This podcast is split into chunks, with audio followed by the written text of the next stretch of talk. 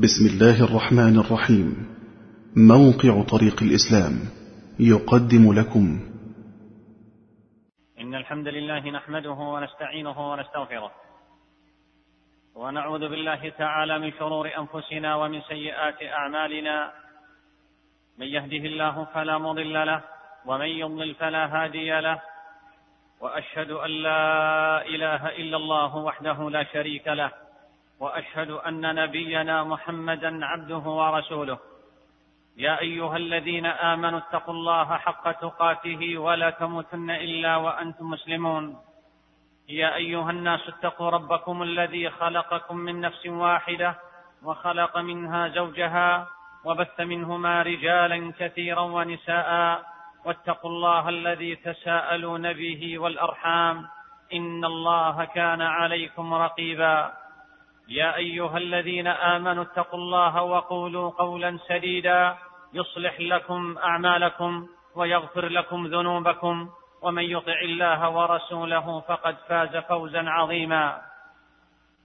أما بعد أيها المسلمون من جملة اعتقادنا في يوم القيامة أن هناك حوضا ينصب لنبينا محمد صلى الله عليه وسلم وقد أجمع السلف على هذا وآمن به المؤمنون كل من عند ربنا. قال عليه الصلاة والسلام إن لكل نبي حوضا وإنهم يتباهون أيهم أكثر واردة وإني أرجو أن أكون أكثرهم واردة. وأخرج الإمام أحمد والترمذي من حديث النضر ابن أنس عن أنس قال سألت النبي صلى الله عليه وسلم أن يشفع لي فقال أنا فاعل.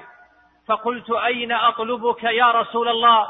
قال اطلبني أول ما تطلبني على الصراط. قلت فإن لم ألقك قال أنا عند الميزان. قلت فإن لم ألقك قال أنا عند الحوض.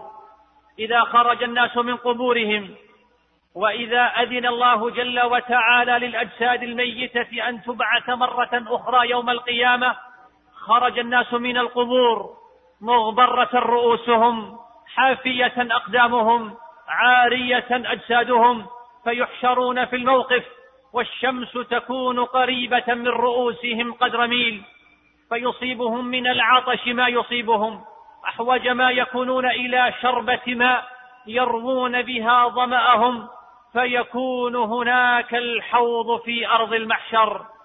الحوض مكرمة ومنة عظيمة للرسول صلى الله عليه وسلم ليواصل المؤمنون به الشرب الحسي كما شربوا في الدنيا الشرب المعنوي من الاهتداء والاقتداء به صلى الله عليه وسلم. ولا يشرب ذلك الشرب الحسي في عرصات القيامة. إلا من شرب الشرب المعنوي في الدنيا وإلا فإنه يذاد عنه ويطرد جزاء وفاقا. الحوض منة الله على رسوله في الآخرة.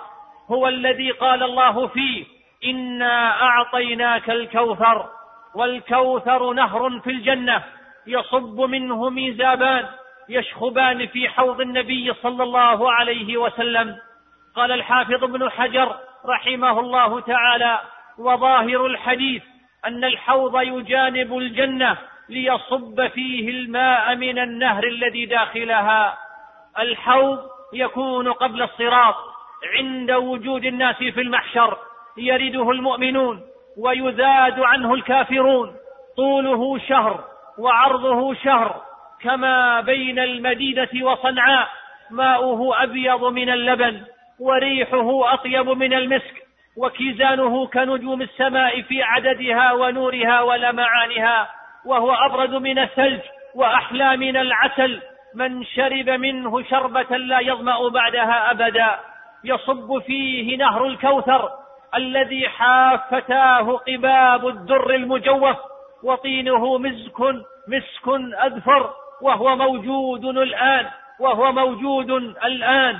لقول النبي صلى الله عليه وسلم وإني والله لأنظر إلى حوضي الآن رواه البخاري في صحيحه. وعندما يقل نور النبوة ويخبو في الناس ينسى الناس أمثال هذه الأحاديث ومثل هذه العقائد.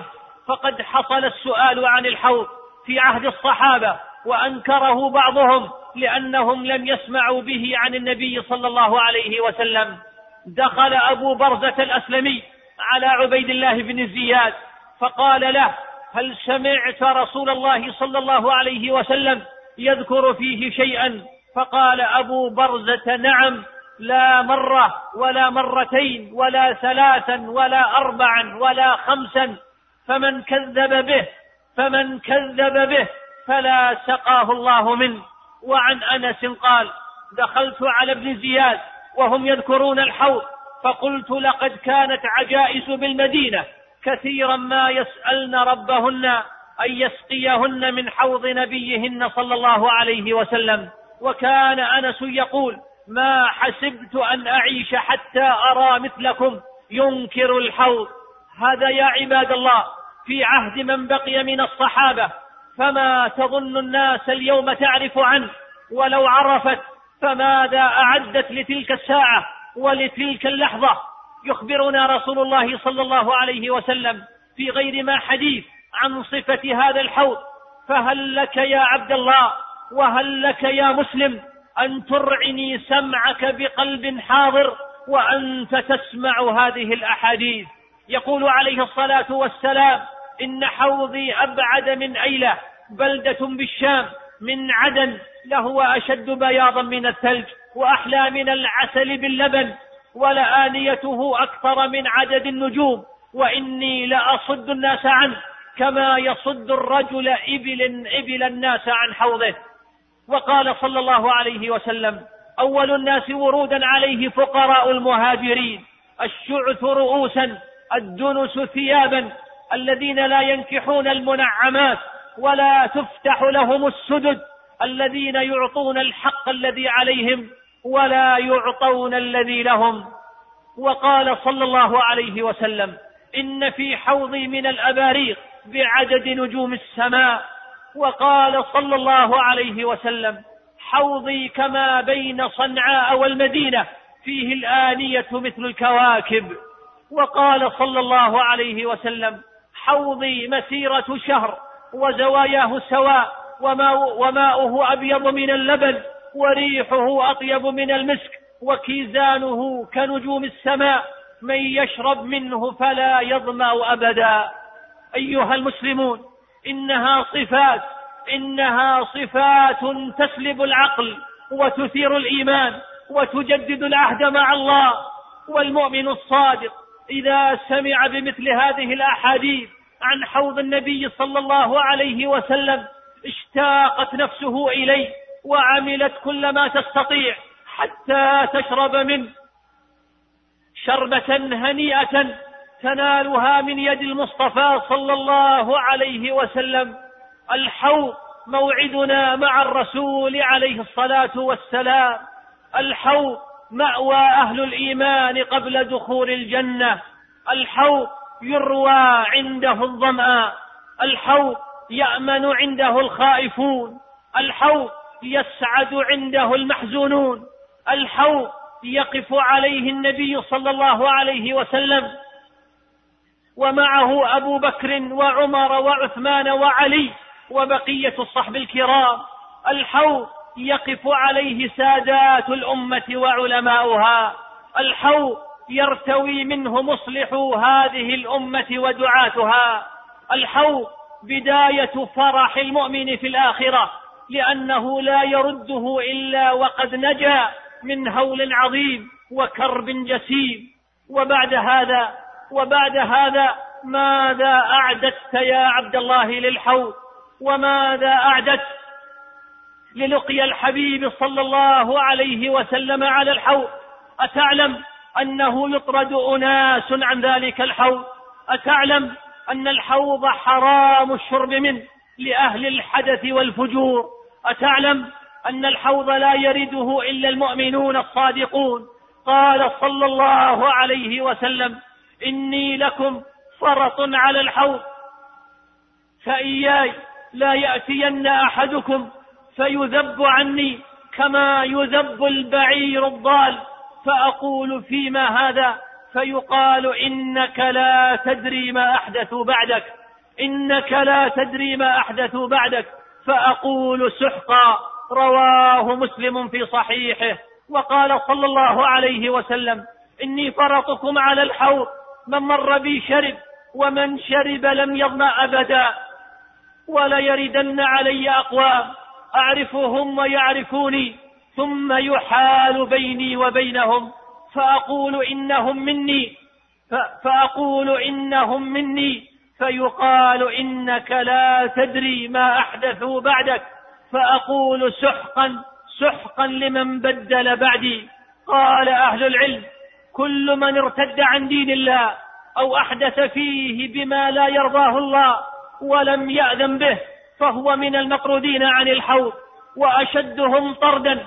المبتدعة الذين يطعنون في الصحابة ويسبونهم فهؤلاء مبدلون لدين الله محدثون في دين الله بما لا يرضاه الله ولم يأذن به وكذلك الظلمة المسرفون في الظلم والجور وطمس الحق وإذلال أهله وكذلك المعلنون بكبائر الذنوب المجاهرون بها الذين لا يستحيون من الناس ولا يستحيون من الله.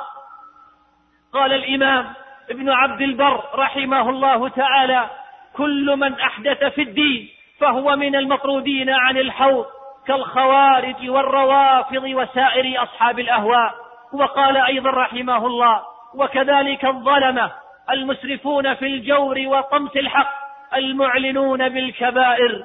وقال الإمام القرطبي رحمه الله إن أشدهم طردا من خالف جماعة المسلمين وفارق سبيلهم كالخوارج على اختلاف فرقها والروافض على تباين ضلالها والمعتزلة على أصناف أهوائها فهؤلاء كلهم مبدلون وكذلك الظلمة المسرفون في الجور والظلم وتطميس الحق وقتل أهله وإذلالهم والمعلنون بالكبائر المستخفون بالمعاصي وجماعة أهل الزيغ والأهواء والبدع. انتهى كلامه رحمه الله. فيا أيها الحبيب فيا أيها الحبيب إن الأمر جد إنه لقول فصل وما هو بالهزل. من كان على بدعة فلينتبه. من كان مجاهرا بكبيرة فلينتبه. من كان مصرا على معصية فلينتبه. عن أسماء بنت أبي بكر رضي الله عنها وعن أبيها قالت قال النبي صلى الله عليه وسلم إني على الحوض حتى أنظر من يرد علي منكم وسيؤخذ ناس دوني فأقول يا رب مني ومن أمتي فيقال هل شعرت ما عملوا بعدك؟ والله ما برحوا يرجعون على أعقابهم. فكان ابن أبي مليكة رحمه الله يقول اللهم إنا إنا نعوذ بك أن نرجع على أعقابنا أو أن نفتن في ديننا. رواه البخاري في صحيحه. كيف بك يا عبد الله؟ وفي ذلك الموقف لو علم بك النبي صلى الله عليه وسلم أنك قد عملت بعده أشياء وأشياء. كيف لو علم أن أشخاصا بأعيانهم من أمته صار يأكل الربا كما يأكل الطعام. هل شعرت ما عملوا بعدك؟ والله ما برحوا يرجعون على أعقابهم. كيف لو علم عليه الصلاة والسلام أن من أمته وفي بيوت المصلين منهم يعرض الزنا والفجور بل والكفر بالله عز وجل عبر القنوات الفضائية؟ وهل بعد إدخال الدشوش في البيوت والتساهل في أمره من إحداث هل شعرت ما عملوا بعدك؟ والله ما برحوا يرجعون على أعقابهم. ألا تخشى يا عبد الله أن تطرد عن الحوض يوم العطش الأكبر بسبب ما عملت يداك؟ ثم إن أهل البدع عامتهم مطرودون عن الحوض مطرودون عن الحوض لأنه يقال للنبي صلى الله عليه وسلم إنك لا تدري ما أحدثوا بعدك. وقد قال هو صلوات ربي وسلامه عليه من أحدث في أمرنا هذا ما ليس منه فهو رد فاحذر أخي المسلم من البدع فإن كل محدثة بدعة وكل بدعة ضلالة وكل ضلالة في النار. ومن شؤم البدع أن الله حجب التوبة عن صاحبها كما ورد بذلك الحديث. وذلك لأن البدعة تعلو في تحلو في عين صاحبها. وذلك لأن البدعة تحلو في عين صاحبها. ويرى أنه يقوم بعمل جليل. فاحذر أيها المسلم من البدع وأهلها واهجرهم هجرا جميلا. ومن بلايا هذا الزمان أن البعض منا قد يبتلى بالعمل مع المبتدعة. إما رئيسا أو مرؤوسا أو قرينا في العمل وهم مطرودون عن حوض النبي صلى الله عليه وسلم. فاحذرهم أخي المسلم وقل لهم لكم دينكم ولي دين.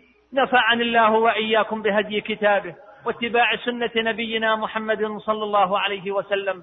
أقول هذا القول وأستغفر الله لي ولكم فاستغفروه إنه هو الغفور الرحيم. الحمد لله على إحسانه وأشكره على توفيقه وامتنانه وأشهد أن لا إله إلا الله وحده لا شريك له تعظيما لألوهيته وربوبيته وأسمائه وصفاته وأشهد أن نبينا محمدا عبده ورسوله الداعي إلى جنته ورضوانه فصلوات ربي وسلامه عليه وعلى آله وعلى أصحابه وسلم تسليما مزيدا. أما بعد أيها المسلمون ويوم القيامة ويوم القيامة يوضع منبر النبي صلى الله عليه وسلم الذي كان يخطب عليه في الدنيا يوضع على حوضه. قال صلى الله عليه وسلم ومنبري على حوضي رواه الإمام البخاري في صحيحه. فتأمل يا عبد الله تأمل ذلك الجلال. وانظر إلى هذه المعاني التي تزيد المؤمن إيمانا. وقد زار النبي صلى الله عليه وسلم البقيع فقال السلام عليكم دار قوم مؤمنين وإنا إن شاء الله بكم لاحقون. وددت أنا قد رأينا إخواننا فقالوا أولسنا إخوانك يا رسول الله؟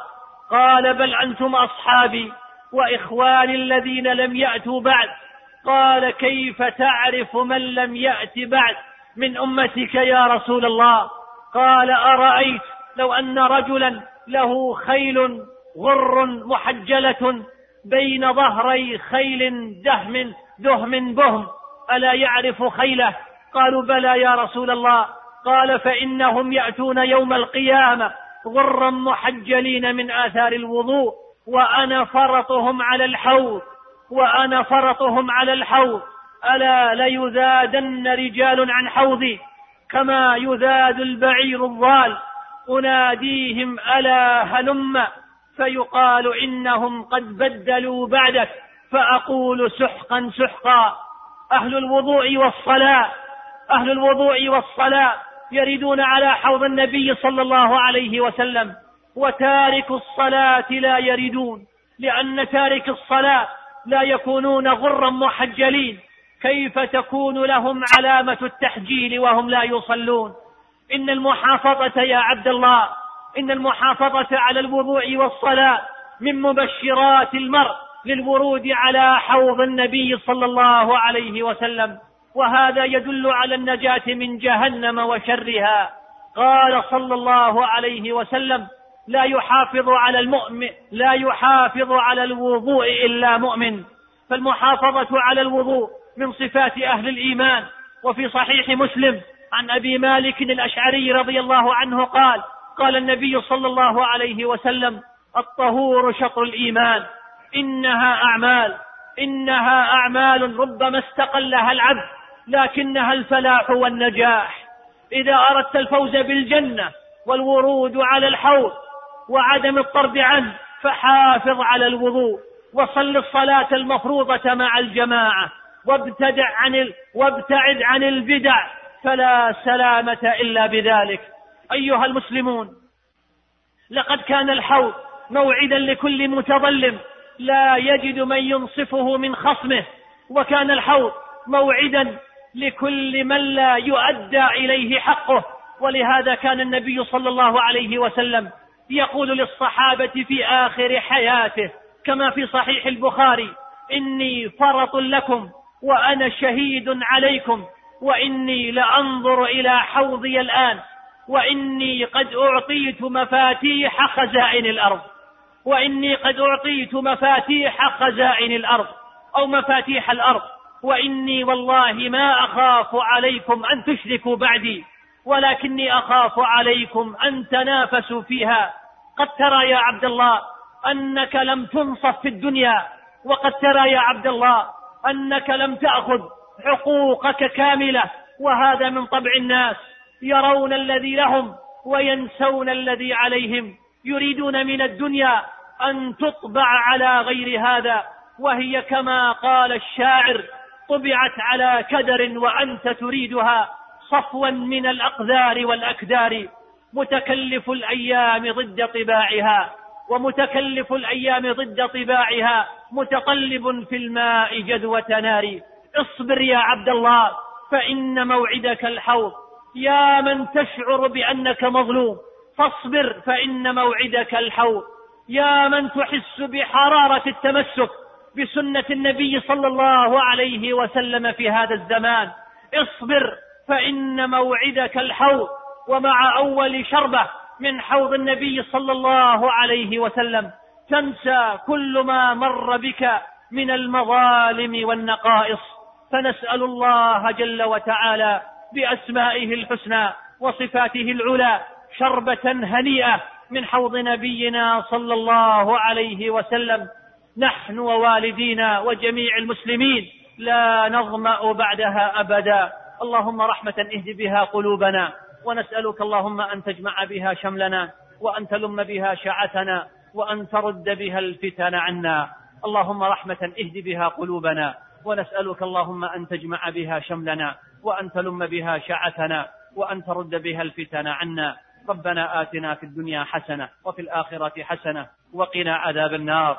اللهم اغفر لآبائنا واغفر اللهم لأمهاتنا ولعلمائنا ولمن له حق علينا. اللهم صل على محمد وعلى آل محمد كما صليت على إبراهيم وعلى آل إبراهيم إنك حميد مجيد.